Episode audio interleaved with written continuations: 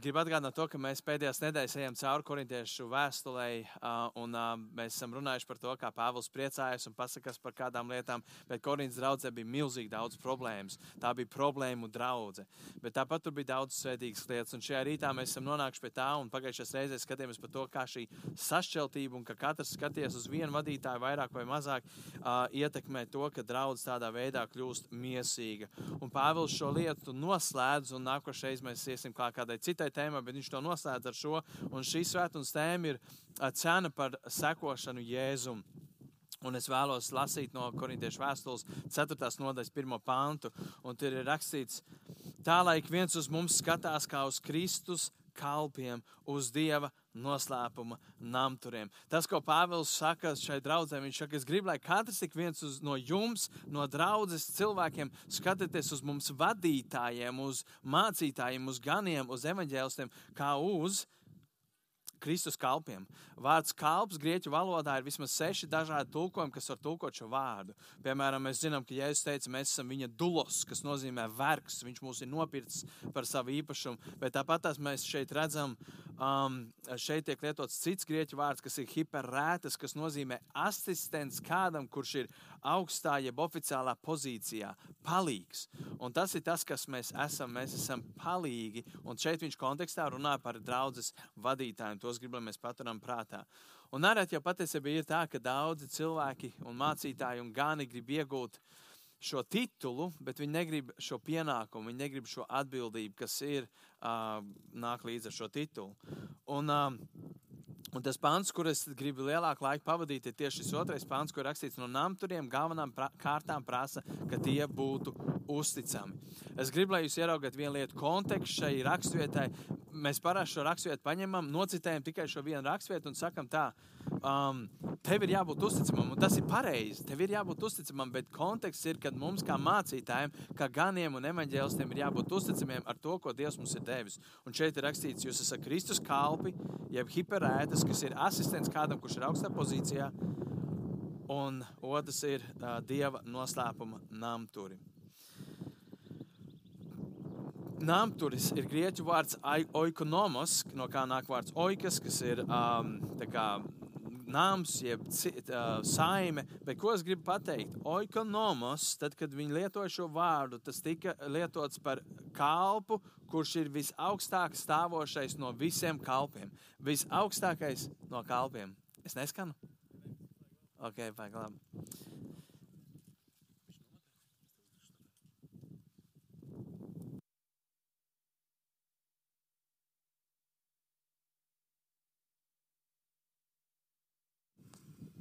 Okay. Esam atgriežies ēterā. Mēs, kad Pāvils runā par šiem kalpiem, ganiem un kā Kristus kalpiem, Dieva noslēpuma namturiem, viņš runā kā par visaugstāko kalpu no kalpiem. Līdz ar to ir kungs Jēzus, tad ir viņa kalpi, mācekļi, apstuļi, evaņģēlis, un tad ir pārējā draudzene. Bet es šajā rītā vairāk gribu veltīt šo otru kontekstu. No namturiem galvenām kārtām prasa, ka tie ir uzticami. Um, 1. korintiešu vēstulē, 9. nodaļā, 16. un 17. pāntā Pāvils saka tādus vārdus. Jo tad, kad es sludinu evaņģēlīju, tad jau man nav ko lepoties, jo man tas ir jādara. Un ak, vai man, ja es nesludinātu evaņģēlīju, jo ja es to daru labprātīgi, tad man ir alga. Bet, ja es to daru uz pavēli, tad es esmu tikai amata izpildītājs. Es gribu, lai mēs ieraugām, ko Pāvils šeit saka. Viņš saka, es nesludinu evaņģēlīju kā brīvprātīgais. Viņš teica, ja es būtu brīvprātīgais, tad man kāds par to samaksātu algu, vai vismaz pateiktos. Viņš saka, bet, ja es to daru uz pavēli, tad es esmu amata izpildītājs. Pāvils saka, es sludinu evaņģēlīju uz Kristus pavēli. Un tāpēc, ka es to daru uz pavēli, es esmu amata izpildītājs. Tas nav lielais ieteikums, bet tā ir lielā pavēle, ko Jēzus arī atstāja mācekļiem. Viņš teica, ejiet un dariet par mācekļiem visas tautas. Un tāpēc es gribu uzdot tev jautājumu šajā rītā. Vai tad, kad tu, jeb, jeb kā tu redzi savu atbildību stāstīt citiem par Jēzu, ja tu to saki tā, es to darīšu brīvprātīgi, gribēšu, darīšu, negribēšu, nedarīšu. Jutīšos, kas to grib darīt, darīšu, jutīšos, kas negrib to darīt, to nedarīšu. Bet Pāvils saka, es neesmu brīvprātīgais. Es to daru, tāpēc, ka Kristus man to ir pavēlējis. Un jautājums, kā tu skaties uz šo Kristus pavēli, kā tu konkrēti nesties apkārt citiem, bet uzdod jautājumu sev, kā tu skaties šo pavēli. Vai tu to redz kā pavēli, vai tu saki, nu, gribējuši stāstīšu, negribējuši nestāstīšu. Mēs neesam brīvprātīgie. Un ko es gribu, lai jūs ieraugiet saistībā ar šo vārdu namturis? Viņš sevi jau ietver šo, ka viņš ir tas, kurš uztur namu, bet viņam nepieder nams. Okay? Un šeit ir ļoti svarīga lieta, kas mums ir jāsaprot. Namturis, un te, viss sākās ar to, vai tu redzi, un lūdzu, nepalaidiet šo garām, vai tu redzi, ka viss, kas tev ir, pieder Dievam. Un viss, kas tev ir, nekas nepieder no tā tev. Absolūti nekas tev nepieder. Tu teiksi, nē, es tam nepiekrītu, es esmu strādājis, es esmu nopelnījis. Un, uh, Ervīt, man ir šī tava māja, mēs esam šeit, tavā sētā, bet Ervīt, arī tev tas nepieder. Tu esi namturs, kaut arī tev pieder, un te ir vesela čupa mašīnām, un viņas kādam pieder. Un, un tu paskatīsies savos dokumentos, tur rakstīts mans vārds, mans uzvārds, mana adrese, bet tev tas ir iedots uz kādu laiku. Kādu dienu Ervīts šajā mājā vairs nedzīvos. Kādu dienu es ar šo mašīnu vairs nebraukāšu man ir iedots tas uz kādu laiku. Un ja es visu, kas man ir, varu ieraudzīt, ka tas nav mans, tad es iegūstu to pirmo attieksmi. Un tad, kad es tev pasaku vārdus, nekas tev nepieder, vai tev nesāp? Varbūt kādiem ir tā, man sāp, ka tu tā saki, man nepatīk, ka tu tā saki, jo es esmu pats to strādājis, es to esmu nopelnījis.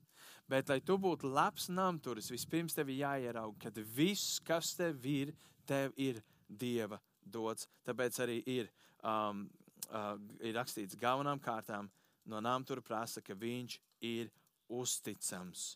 Un šeit ir rakstīts, un, un, un es gribu sākt to, arī tava dzīve nav tava dzīve. Jo, ja tava dzīve būtu tava dzīve, tad tev kādu dienu par savu dzīvi nevajadzēs dot atskaiti.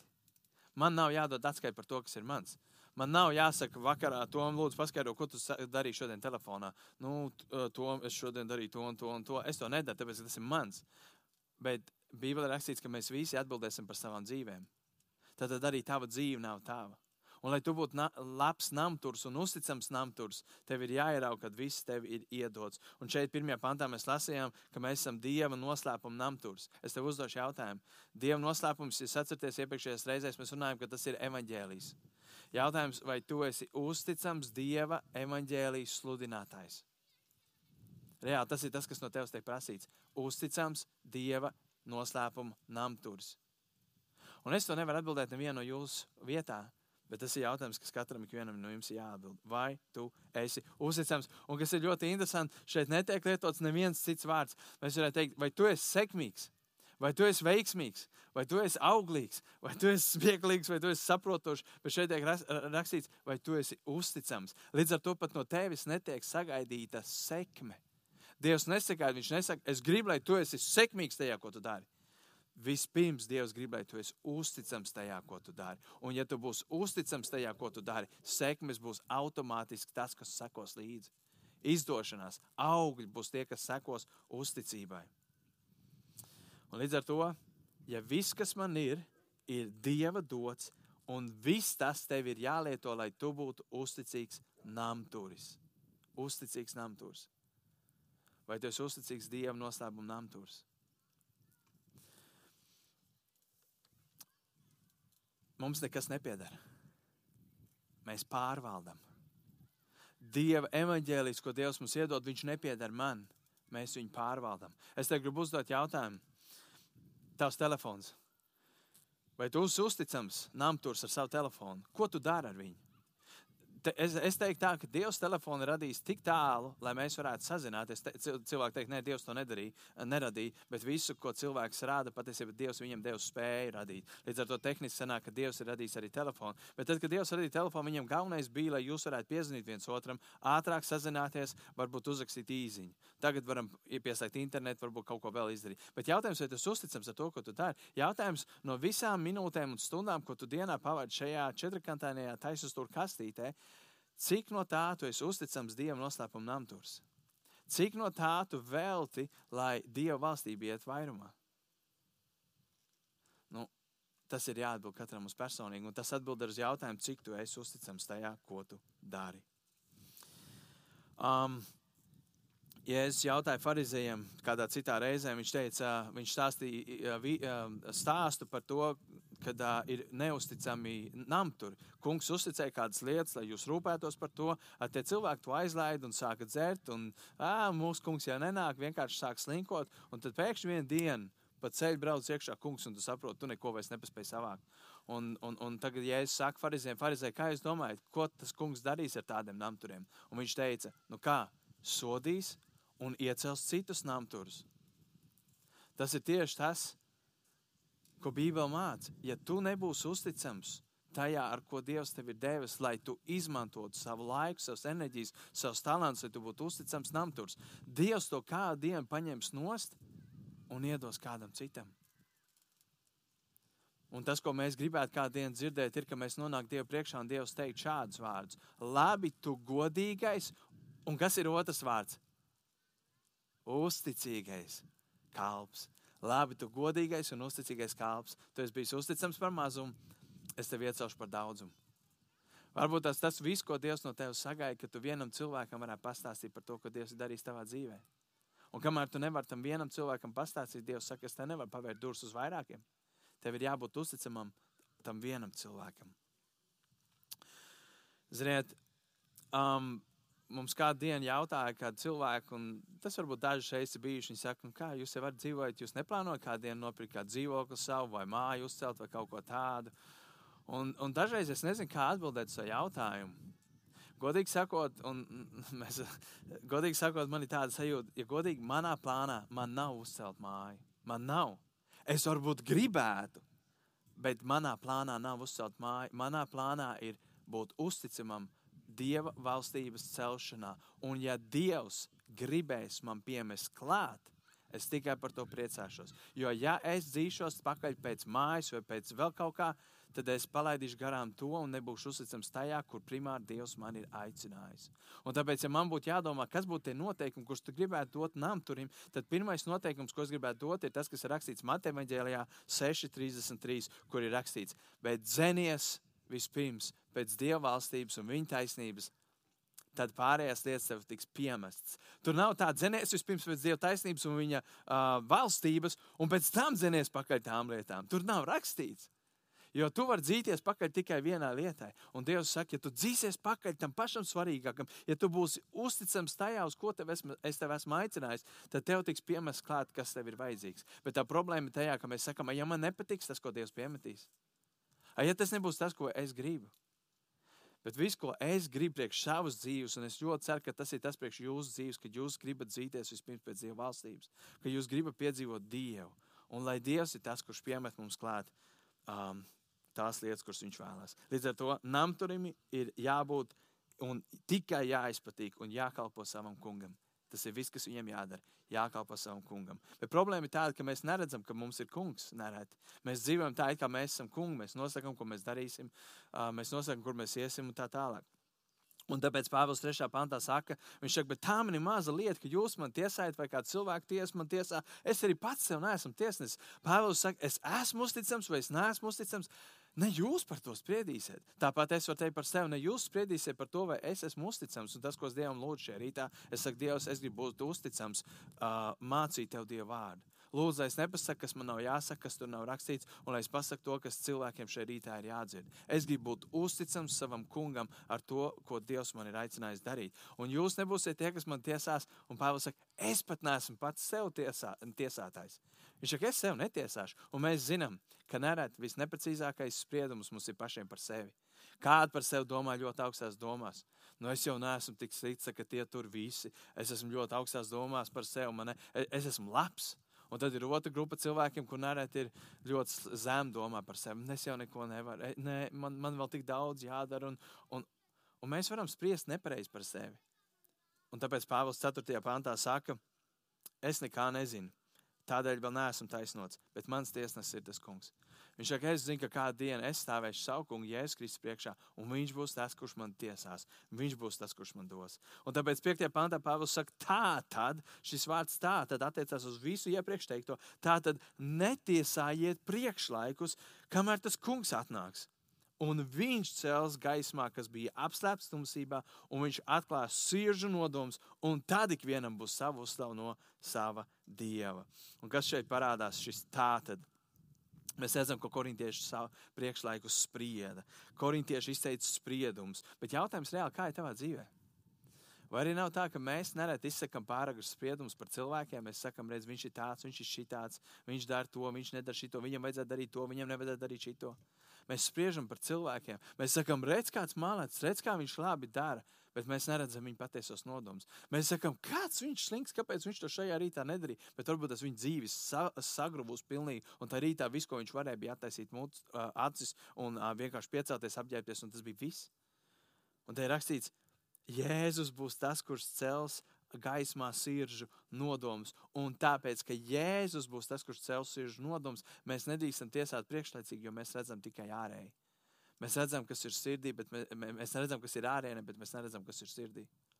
Tāpēc ir ārkārtīgi svarīgi, ka mēs nespriežam priekšlaikus, ko darīja korintieši un kas bija viņu grēks. Spriest priekšlaikus par vadītājiem viens par otru.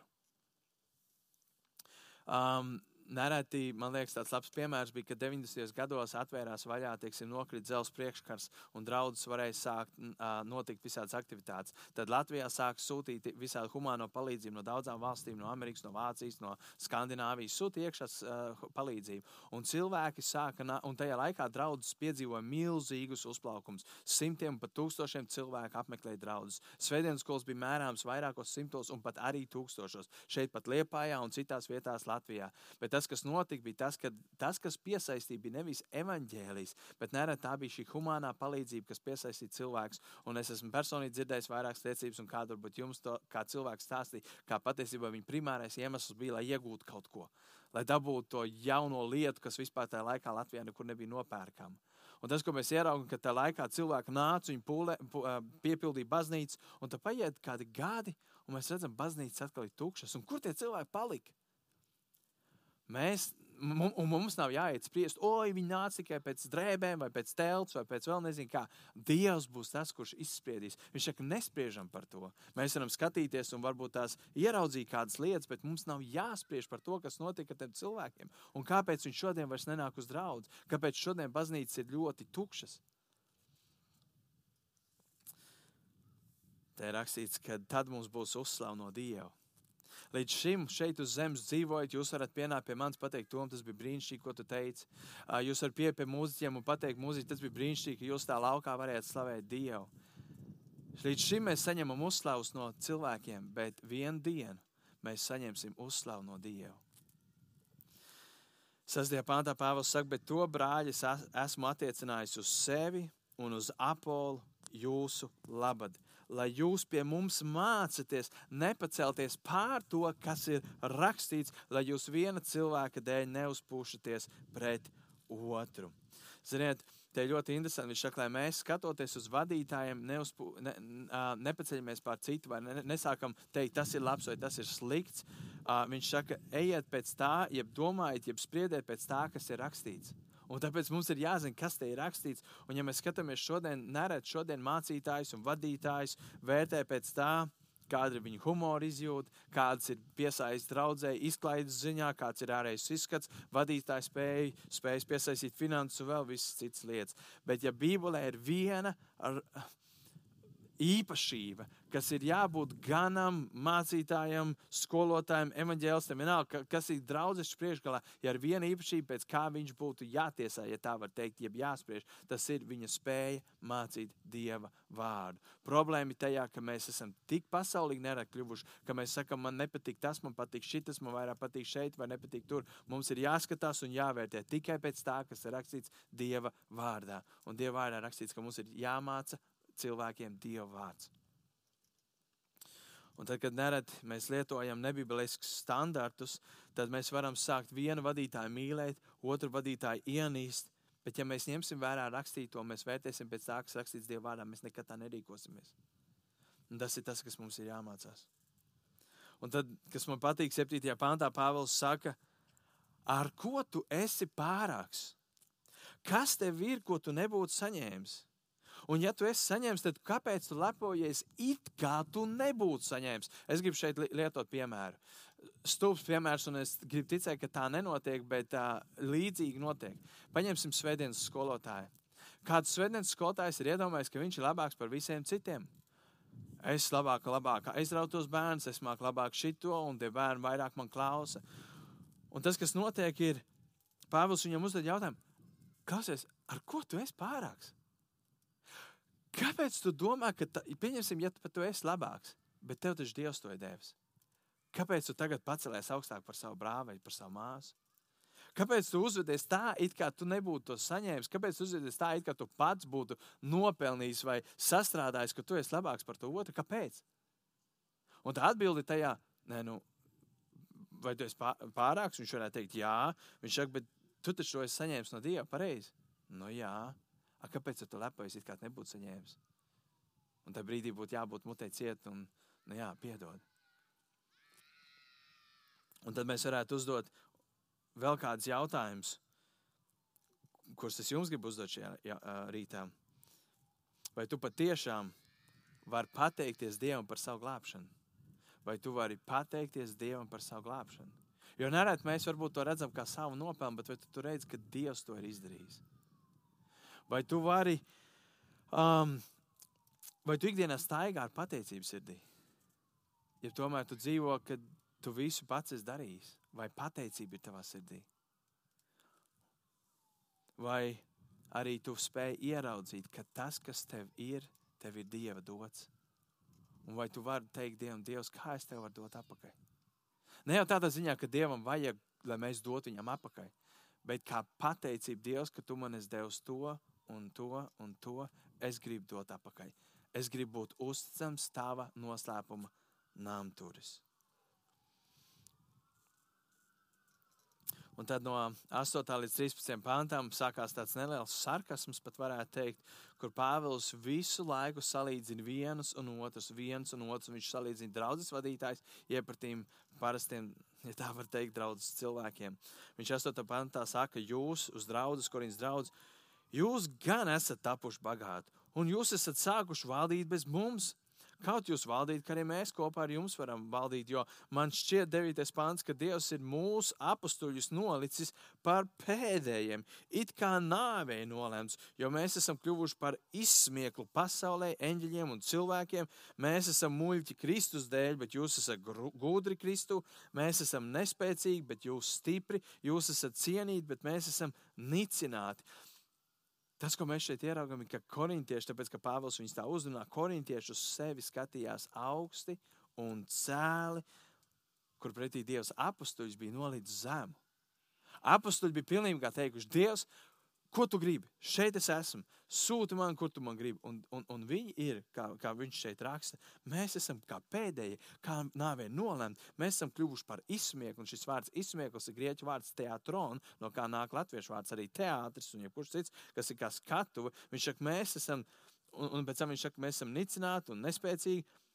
Mēs esam uz skatuves, cilvēku mums ņirdz, mēs esam kā pēdējie nomest. Mēs esam uh, kā te bija rakstīts, nāvei nolemt par izsmiegu pasauli eņģiem, cilvēkiem.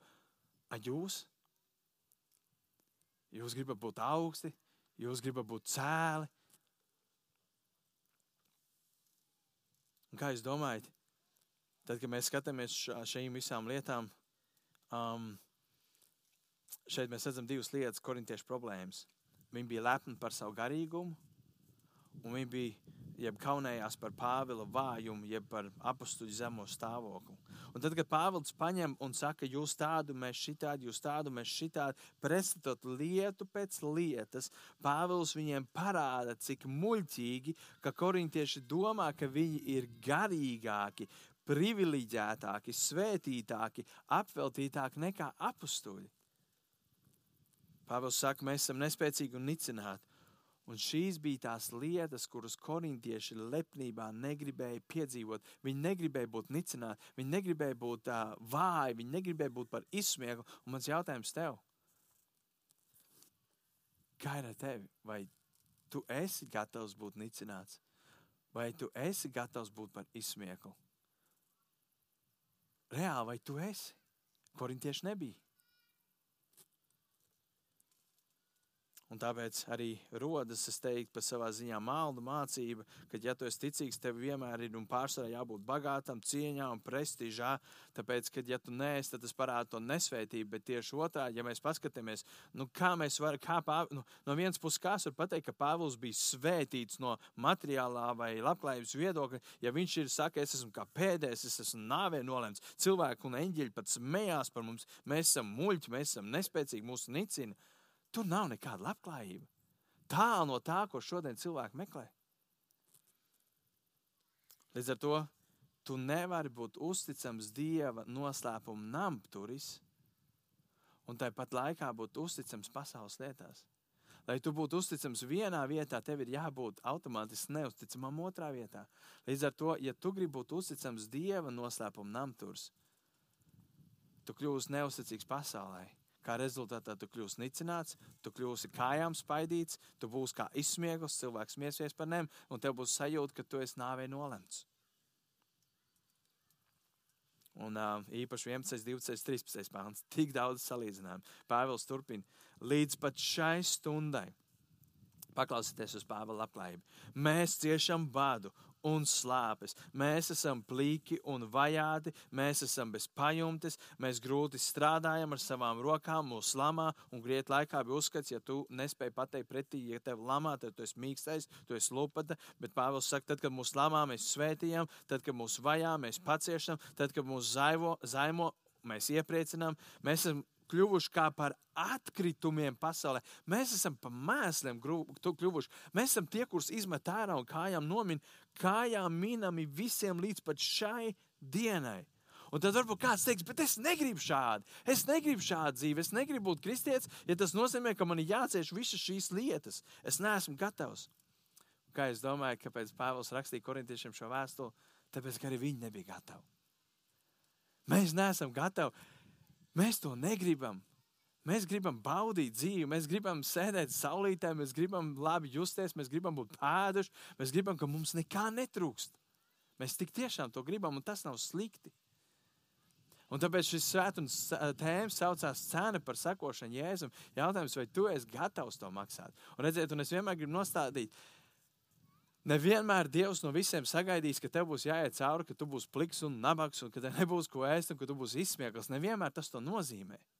Bet tas, ko Dievs dažreiz prasa, vai tu esi gatavs? Es nesaku, ka es tev to pieprasīšu, bet vai tu būsi gatavs? Tas ir tas jautājums. Un atcerieties, um, ka Pāvēlam miesā bija dzelonis. Atcerieties, un tas dzelonis viņam bija, lai viņš netaptu lepns. Pāvils šo lietu raksta, tāpēc, ka korintieši bija kļuvuši augstprātīgi, lepni. Viņi domāja augstāk par sevi, nekā viņi patiesībā bija. Un tāpēc nereti šis kā augons, kas bija Pāvēlam, vai dzelonis, patiesībā nāk par labu, jo tas mūs visu laiku pazemina, tas mūs tuvina Jēzum Kristum. Un šāds stāvoklis, ko es tikko nosaucu, bats, slāpes, plikums, vajāts bez pajumtes, lamā, vajās, zaimo, esam kļuvuši par atkritumiem, kājām, minami, mēs esam muļķi un esam nicināti un nespēcīgi nāvē nolem par izsmieku un par pēdējiem. Šāds stāvoklis mums paņem projām, būsim godīgi, klausieties, tas paņem mums projām jebkādu lepnumu, un tas mūs ved tuvāk Jēzum Kristum. Tā, ka mums vairs nav nekas cits kā Jēzus Kristus krustā sistais. Un tas pats, kuram neviens netic, kad mēs to stāstam. Ratais, ratais. Un es domāju, noslēgumā padomājam par Pāvila CV, ja tā var teikt. Viņš ceļo no draudzes uz draugu. Viņš bija izbests no vairākām pilsētām. Viņš bija apvainots vairāk nemieru celšanā. Viņš, viņš daudz kur netika atbalstīts. Viņš tika arestēts vairākas reizes iemests cietumos. Tā mūsu problēma šodien ir, ka mēs gribam atrast to kristieša zelta vidusceļa, un es gribu pateikt, kura nav. Zelta vidusceļu, kur mēs gribam nedaudz slavas, nedaudz ne reputācijas, nedaudz prestižu, nedaudz cieņu, nedaudz godu pasaules acīs, Bet tajā pašā laikā mēs gribam Dievu svētību, mēs gribam Dievu svaidījumu. Mēs gribam spēku, mēs gribam varu, bet mēs to gribam bez maksas. Mēs negribam maksāt cenu par sekošanu Jēzum Kristum.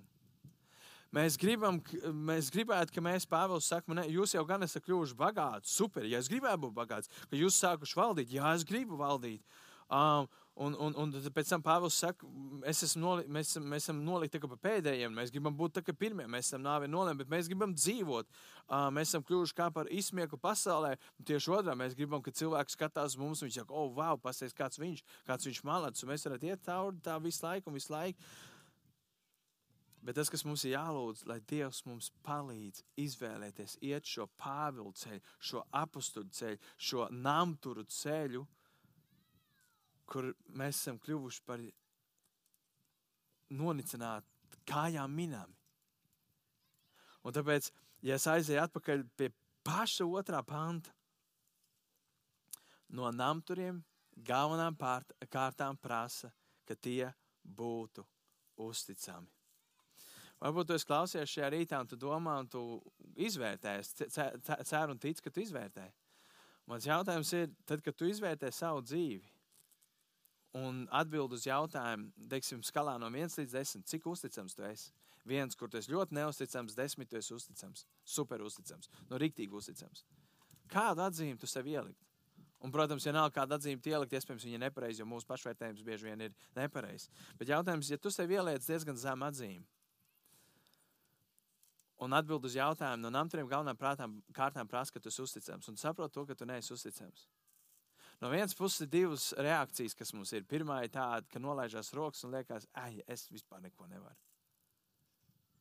Un šajā brīdī, ja tu tā jūties, tagad es runāju ar tiem, kas tā jūtas, tas, ko mēs varēsim darīt pēc maz brīdiņa, kad mēs dziedāsim pēdējo dziesmu, um, nedzied līdzi tajā brīdī, ja tev nav vajadzīgs tas klusībā izvērtē savu sirdi Dievu priekšā un saka, Dievs, tu man esi uzticējis pirmkārt man dzīvību. Ziniet, daudz cilvēki tiek ieņemti māca puncī un ar dažādām metodēm, pirms viņš nāk pasaulē, viņš tiek izņemts ārā, viņa dzīvība tiek izdēsta. Viņi nevar piedzīvot šo dzīvi. Bet mēs visi, kas esam šeit, un tie bērniņi, kas ir atos, Dievs ir bijis žēlīgs, un viņi nāk šajā pasaulē, un viņi kļūst par namturiem. Tu esi kļūst par namturu. Jautājums ir, vai tava dzīvība, kas tev ir dota, vai tu esi labs namturs savai dzīvībai, vai savai dzīvei? Kā tu valdi par savu dzīvi? Vai tu esi labs namturs par finansēm, ko Dievs tev ir devis? Vai tu esi labs namturs par talantiem un dāvanām, ko Dievs tev ir devis? Vai tu esi labs namturs par tiem resursiem, ko Dievs tev ir devis? Vai tu esi labs namturs ar visu to, ko Dievs tev ir devis? Un varbūt tas kāds šajā rītā klausās un saka, bet Es pat nezinu, vai es esmu namturs. Es pat nezinu, vai, vai Dievs ir man uzticējis kādas lietas. Es gribu visiem jums atgādināt šajā rītā, ka Jēzus Kristus šajā pasaulē nāca. Tas ir Dieva dēls. Viņš nāca, lai piedotu mūsu grēkus. Viņš redzēja to, ka mēs esam sautīgi. Viņš redzēja to, ka mēs katrs raugamies tikai uz savu ceļu. Pareizi romiešos rakstīts. Mēs katrs audzējamies tikai uz savu ceļu. Neviens nemeklē Dievu. Nav neviens, kurš pieceļās no rīta un grib meklēt Dievu. Tā ir Dieva žēlstība, Dieva gars, kas sāk darboties mūsos, ka mēs meklējam Dievu. Tāpēc es vienkārši gribu uzdot jautājumu, ja tu vēl nepazīsti Dievu kā savu kungu glābē, es gribu, lai tu zini, ka Jēzus Kristus tev grib piedot tavus grēkus. Un ka Jēzus Kristus ir spējīgs tevi padarīt par tādu namturi, kurš ir uzticams namturs. Jo es gribu noslēgt ar to, kādu dienu, tāpat kā mēs visi šeit šajā rītā sēžam, mēs visi kādu dienu iztēloties miljādu, miljādu, kā Bībelē rakstīts, triljoniem, triljoniem cilvēku. Mēs visi stāvēsim Dieva priekšā. Visi, kā diena, reāli, tu stāvēsi Dieva priekšā. Un katrs viens pēc otra mēs nesīsim atbildību Dievam. Un Dievs mums prasīs, ko tu darīji ar savu dzīvi. Un Dievs neteiks, vai tu biji sekmīgs vai veiksmīgs, bet Dievs tev teiks, Tom, vai tu biji uzticīgs ar to, ko es tev devu.